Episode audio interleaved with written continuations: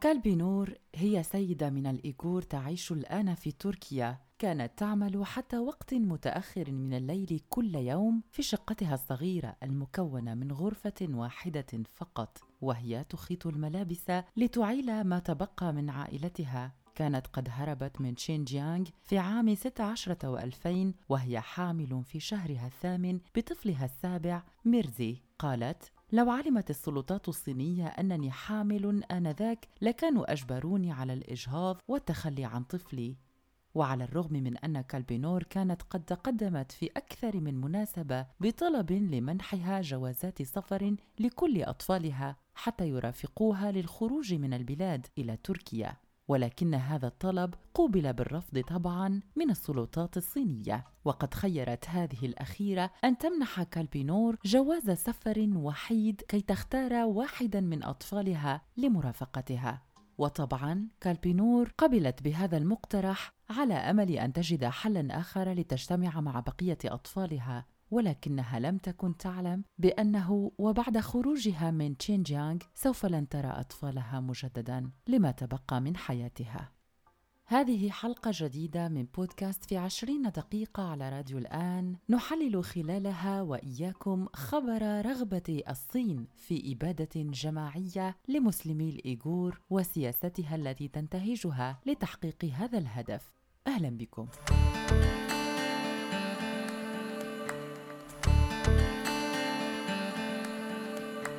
كثيرون هم الباحثون والمفكرون الذين انتقدوا سياسة الصين الوحشية ضد الإيغور في رغبة منها لقطع دابرهم تماما من البلاد إما بتهجيرهم أو قتلهم أو إخفاء نسلهم تماما.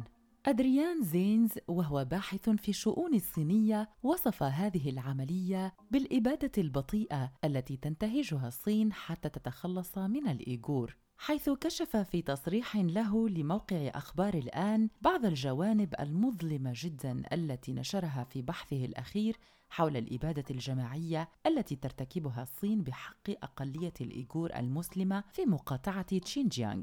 وأشار أدريان زينز إلى أن هذه الإبادة تختلف عن الإبادة التقليدية التي وقعت مثلا خلال الحرب العالمية الثانية من خلال القتل الجماعي أو قتل فئات عرقية أخرى في الماضي. أو حتى في حالة الروهينجا حيث تعرض الآلاف للقتل في ميانمار. وأشار إلى أن ما يحدث بحق مسلمي الإيغور هو تدمير تدريجي لشعب كامل من خلال التسبب بمعدل نمو منخفض جدا عبر الزمن أو ربما على مر العشرين سنة القادمة. وهذا عن طريق عملية التعقيم للنساء وحرمانهن من الإنجاب مجددا. والطرق لذلك تتعدد وتختلف. فالصين لا تتوانى عن فعل أي شيء أو ارتكاب أي جرم حتى وإن كان منافيا للتقاليد الطبية كي تقتل كل أمل إيغوري في إنجاب طفل جديد. ومن ناحية أخرى أضاف الباحث في الشؤون الصينية أن هذه استراتيجية في غاية الذكاء لأن الأمور تحصل من دون أن تتم ملاحظتها من قبل المجتمع الدولي أو الأطراف السياسية التي يمكن أن تلقي بلومها على الصين وعلى سياستها ضد الإيغور. وقال أدريان زينز في كلامه لموقع أخبار الآن إن هذه التصرفات والإبادة لا تحتاج إلى أي معسكر كما كان الحال بالنسبة لمعسكر أوشفيتس الذي استخدمه النازيون إبان الحرب العالمية الثانية لحرق الجثث وإحداث فوضى ضخمة بل ثمة انخفاض تدريجي لعدد السكان عبر الزمن في تشينجيانغ. وهي حسب رأي الباحث خطوة الحكومة الصينية بالسماح للإثنيات بإنجاب ثلاثة أطفال ما هي إلا صفعة في وجه الأقلية المسلمة أي الإيغور الذين يواجهون وسائل متشددة للحد من نسلهم إلى طفل واحد فقط وفي أحيان كثيرة استئصال رحم المرأة لمنعها من الإنجاب مجدداً. مؤخرا قامت شبكة سي إن إن الأمريكية بنشر تقرير مفصل جدا يحتوي على أرقام تسلط الأضواء على معاناة أبناء أقلية الإيغور المسلمة في تركستان الشرقية أو مقاطعة تشينجيانغ المستمرة في هذا الإقليم بالصين. وقد ركز هذا التقرير على تنامي وارتفاع عدد السجناء في معسكرات الاعتقال التعسفية التي تبنيها الصين وتشهد على أبشع أنواع الاضطهاد في حلة تثقيفية بين ظفرين طبعا كما يراها الصينيون والحزب الشيوعي في البلاد.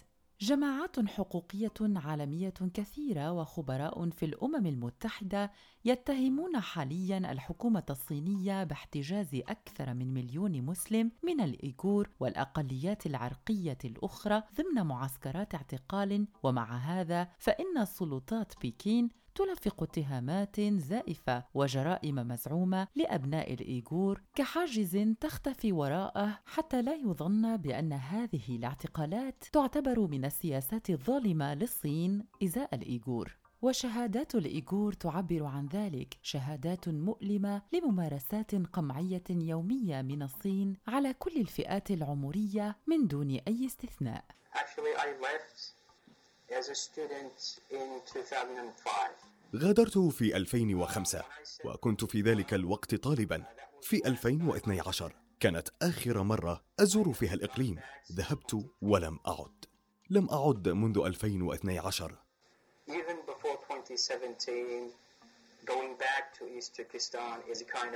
حتى قبل 2017 العودة إلى تركستان الشرقية كانت تشكل ضغطا كبيرا لأن السلطات الأمنية كانت تتصل بنا للتحدث عن حياتنا في الخارج. كنا نتعرض إلى ضغوط حتى موعد مغادرتنا لاستكمال الدراسة في الخارج. I إذا بقيت شهرين هناك كانت الشرطة تستدعيني. كل يومين أو ثلاثة يتصلون يسألون كيف الحال؟ هل بالإمكان أن تأتي إلى المكتب أو أي مكان آخر للدردشة؟ في 2009 احتجزوني أسبوعا في منشأة في أرومتشي وكنت طالبا وقتها. لم أكن ناشطا.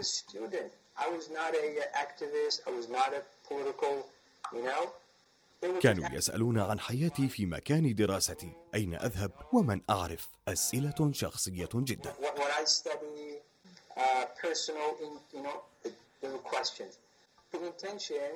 هدفهم كان الحصول على معلومات حتى يستفيدوا منها مستقبلا. إذا عملت في النشاط السياسي.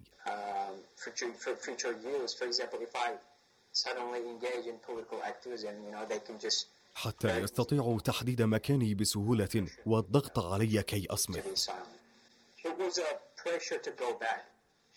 لهذا كنا ننزعج عندما نعود إلى أهلنا ولكن على الأقل كنا نعود بالرغم من المضايقات والتحقيق. كنا نستطيع أن نرى عائلاتنا.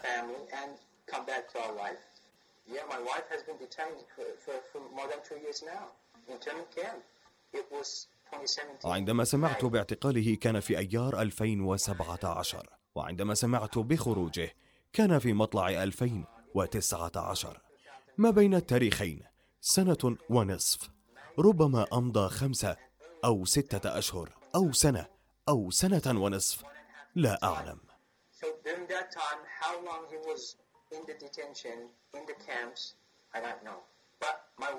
زوجتي كانت في الدفعة الأولى للمعتقلين في نيسان 2017 ولا أعلم عنها شيئا إلى الآن.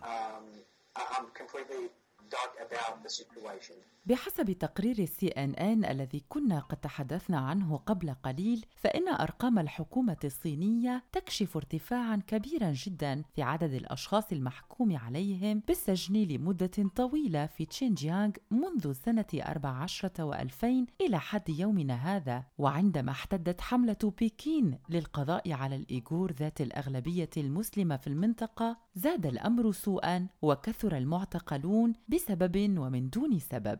ومع هذا فإن السجلات لا تكشف عن الجرائم المرتكبة ولا تصف دين أو عرق المدانين لأن هذا ويؤكد الباحثون طبعا ليس من مصلحة الصين في شيء. فهي تود ذر الرماد في العيون والتقليل قدر الإمكان من الانتقادات الموجهة إليها بسبب سياستها ضد الإيغور. في عام 14 و2000 حكم على حوالي 21 ألف شخصا إيغوريا طبعا بالسجن في تشينجيانغ وبعد أربع سنوات تقريبا ارتفع هذا الرقم إلى ما يقرب من 133 ألفا ومئتي إيغوري مصنفين ضمن الإرهابيين الذين أصبحت محاكمتهم واجبة في الصين. وفي المجموع تم سجن أكثر من ربع مليون شخص بين عامي 16 و2000 و18 و2000 فقط. ووفقا للكتاب الإحصائي السنوي لتشينجيانغ كانت 87% من جميع أحكام السجن الصادرة في سنة 17 و2000 تمتد لأكثر من خمس سنوات. وارتفاعها قدر ب 27% في عام 16 و2000 وتقول جماعات حقوق الإنسان إن الارتفاع الحاد في مدة أحكام السجن يشير إلى أن حملة الحكومة الصينية في المنطقة باتت أكثر حدة وتشددا وصرامة وعديدة هي الحالات الموثقة التي تحكي تجارب المواطنين الإيغوريين حتى من أولئك الذين يعيشون خارج تشينجيانغ أي في بلدان أخرى حيث نقلت سي أن أن تجربة زوجين ضربت السلطات الصينية مخططهما عرض الحائط للعيش بسلام في الخارج. ميهاراي ميز سينوف وزوجها ميرزات طاهر خيل لهما بأنهما قد اتخذا قرارا مهما جدا في حياتهما الزوجية وهو مغادرة تشينجيانغ للأبد إلى أستراليا. حينها وبعد وصول الشرطة الصينية إلى منزلهما بعد ورود معلومات إليها بشأن خطة الزوجين قامت بمصادرة جواز سفرهما وألقت بهما في السجن. قصة أخرى عن معاناة الإيغوريين حتى بعد ابتعادهم عن مقاطعة تشينجيانغ وتركهم للبلاد. قصة نيرولا إليما وهي منفية من الإيغور وتعيش الآن في السويد. إليما التي قالت بأن التهمة التي أرسلت ابنة عمها مثلا إلى السجن كانت ملفقة تماما. وقالت إليما أن ابنة عمها مايلا ياكوفو حكم عليها بالسجن لمدة ستة أعوام ونصف في فبراير شباط من سنة عشرين وألفين بعد أن قامت الحكومة الصينية باتهامها بتمويل الإرهاب. وأشارت إليما إلى أن الجريمة الوحيدة التي ارتكبتها ياكوفو ربما هي كانت تحويل أموال إلى أستراليا لمساعدة والديها الفارين من تشينجيانغ في شراء منزل لهما في البلد الجديد الذي سيحتضنهما. وكأن الصين هنا تخاف عودة ذلك الجيل الذي يمكن أن يخلق خارج أسوار تشينجيانغ حتى في مستقبل بعيد لافتكاك المقاطعة من جديد والأخذ بثأر كل إيغوري تم قتله أو تهجيره أو قطع نسله.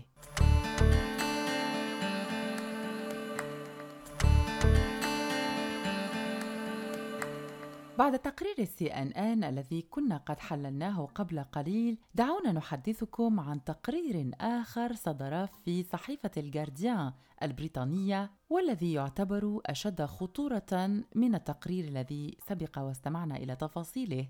وأكدت الصحيفة الإنجليزية في صفحاتها أن الصين تستخدم نفوذها الاقتصادي بمناطق في آسيا والشرق الأوسط لاستهداف مسلمي الإيغور الذين يعيشون خارج أراضيها في هذه البلدان بالذات. ولخص تقرير هذه الوضعية بوصف بالعبارة التالية نظام مترامي الأطراف من القمع العابر للحدود. ففي الوقت الذي يعتقد أن أكثر من مليون إيغوري احتجزوا في شبكة من معسكرات الاعتقال في السنوات الأخيرة زادت أيضا جهود بكين في السيطرة على الإيغور الذين يعيشون في الخارج بالتعاون مع البلدان التي يعيشون فيها والتي لم تتوانى للحظة في تسليمهم أو التبليغ عن مقر سكناهم مثلا حتى تأتي سلطات صينية شيوعية من بكين مباشرة لهذه البلدان كي تعتقل هؤلاء الأشخاص. وقام باحثون من جمعية أوكسوس لشؤون آسيا الوسطى ومشروع الإيغور لحقوق الإنسان بمراجعة أكثر من 1500 حالة احتجاز وترحيل في مناسبات عديدة. والتهم كلاسيكية جدا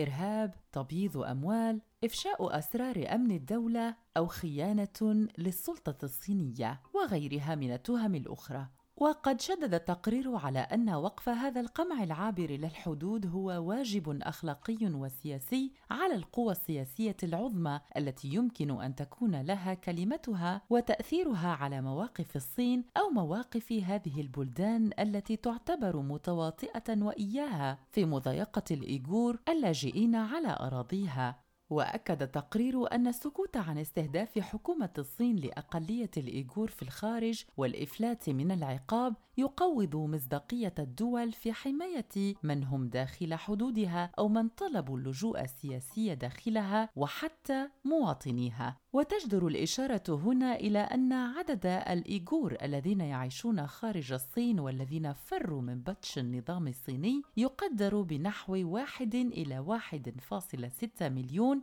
وفقا لمؤتمر الإيغور العالمي مع وجود أكبر عدد منهم داخل آسيا الوسطى وتركيا. ورغم ذلك فإن قاعدة البيانات الجديدة تكشف عن حجم استهداف قوي جدا لبكين لهؤلاء الأشخاص حتى وإن كانوا غير مقيمين على الأراضي الصينية حيث تلعب الدول المضيفة دورا في عدة ممارسات تضايق هؤلاء في حياتهم اليومية. تتمحور حول المراقبة المستمرة والاحتجاز الممكن والتسليم في أكثر من مناسبة.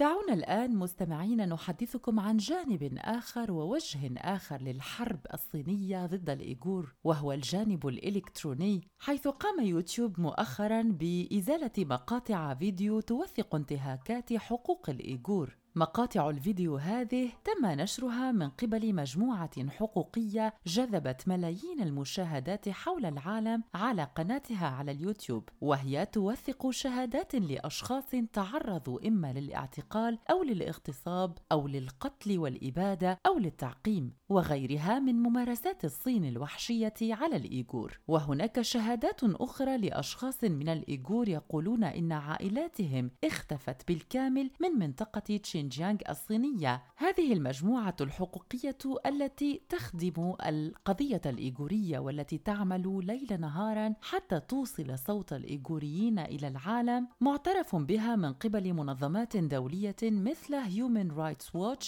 حيث أن هذه الأخيرة وغيرها من المنظمات الحقوقية الدولية أكدت في أكثر من مناسبة أن هذه المجموعة الإيغورية قد لفتت انتباه العالم إلى ما تقوم به الصين من ممارسات ممارسات شنيعة على الإيغوريين داخل أراضيها أو حتى خارجها. تسمى هذه المجموعة الحقوقية أو تسمي نفسها على اليوتيوب أتاجورت كازاخستان لحقوق الإنسان وقد نشرت ما يقرب من 11 ألف مقطع فيديو توثق معاناة الشعب الإيغوري على اليوتيوب وبلغ مجموعها أكثر من 120 مليون مشاهدة منذ سنة 17 و2000 والآلاف من هذه المقاطع تظهر أشخاصا في حالة عفوية جدا يتحدثون عن أقاربهم ويقولون بأنهم اختفوا في ظروف غامضة جدا بمقاطعة تشينجيانغ الصينية. في الخامس عشر من يونيو حزيران الحالي قام اليوتيوب بحجب القناة بسبب انتهاكها لإرشاداته وذلك بعد الإبلاغ عن 12 مقطعا من مقاطع الفيديو الخاصة بها لخرق سياسة المضايقة عبر الإنترنت. وبعد استفسارات عدة وانتقادات شديدة لليوتيوب قام بإعادة تفعيل القناة يوم الثامن عشر من يونيو حزيران الحالي. وحتى هيومن رايتس ووتش تفاعلت مع ما حصل ولفتت انتباه موقع موقع اليوتيوب بشأن حظره لقناة أتاجورت مما يؤكد على أن القضية الإيغورية قضية عادلة. من بين أشد الشهادات وقعا على مسامع كل من تابعوا الفيديو الذي تحدثت فيه إحدى المعتقلات السابقات في المعسكرات الصينية القمعية معتقلة سابقة وناشطة حقوقية إيغورية تدعى زمريت وهي كانت من بين تسع معتقلين كانت لهم الشجاعة للحديث ووصف كل ما حصل معهم ومع ملايين من المعتقلين الآخرين داخل السجون الصينية. زمريت والتي كانت في هذا الفيديو متأثرة جدا وهي تحدث الجماهير عن ما حصل لها. قالت بأن الصين تنتهج سياسة غريبة جدا خاصة بخلق فكرة الشريك الصيني. هذا الشريك الصيني هو شخص يأتي إلى منزلك مع عائلتك كل عشرة أيام في الشهر. شخص صيني شيوعي الفكر والوجدان يعيش معك مع عائلتك الإيغورية آكلا شاربا نائما. وأنت طبعا كإيغوري مسالم من الواجب عليك أن تكون شديد اللطف معه وأن تلتقط معه صورا وأنت مبتسم. وكل هذه التفاصيل التي سيعيشها الشريك الصيني معك وكل هذه الصور التي سيتم التقاطها ستوضع ضمن تقرير شهري يتم رفعه من قبل هذا الشخص حتى يقيم مردودك معه كإيغوري مسالم. سياسة أخرى شديدة البشاعة تحدثت عنها زمريت وهي سياسة منع دفن الموتى لمدة طويلة، فقالت زمريت بأنهم كانوا مجبرين على الاحتفاظ برفات وعظام موتاهم لفترة طويلة جدا، وذلك لأن الحكومة الصينية تمنعهم من القيام بطقوس الدفن في حال حصلت حالة وفاة. مع زيادة البشاعة في ممارسات الصين ضد الإيغور، هل تتصورون مستمعين بأنه يمكن أن يكون هناك حل لهذه الأزمة؟ أم أن الأمر يبدو صعبا مع تواصل هيمنة الصين تقريبا على كل مصادر القوة الاقتصادية، السياسية، الصحية وغيرها عالميا؟ اتركوا لنا آراءكم وتعاليقكم أسفل حلقة اليوم من بودكاست في عشرين دقيقة. كنت معكم وهيبة عزيزي. ألقاكم في حلقة قادمة من برنامجنا على راديو الآن. إلى اللقاء.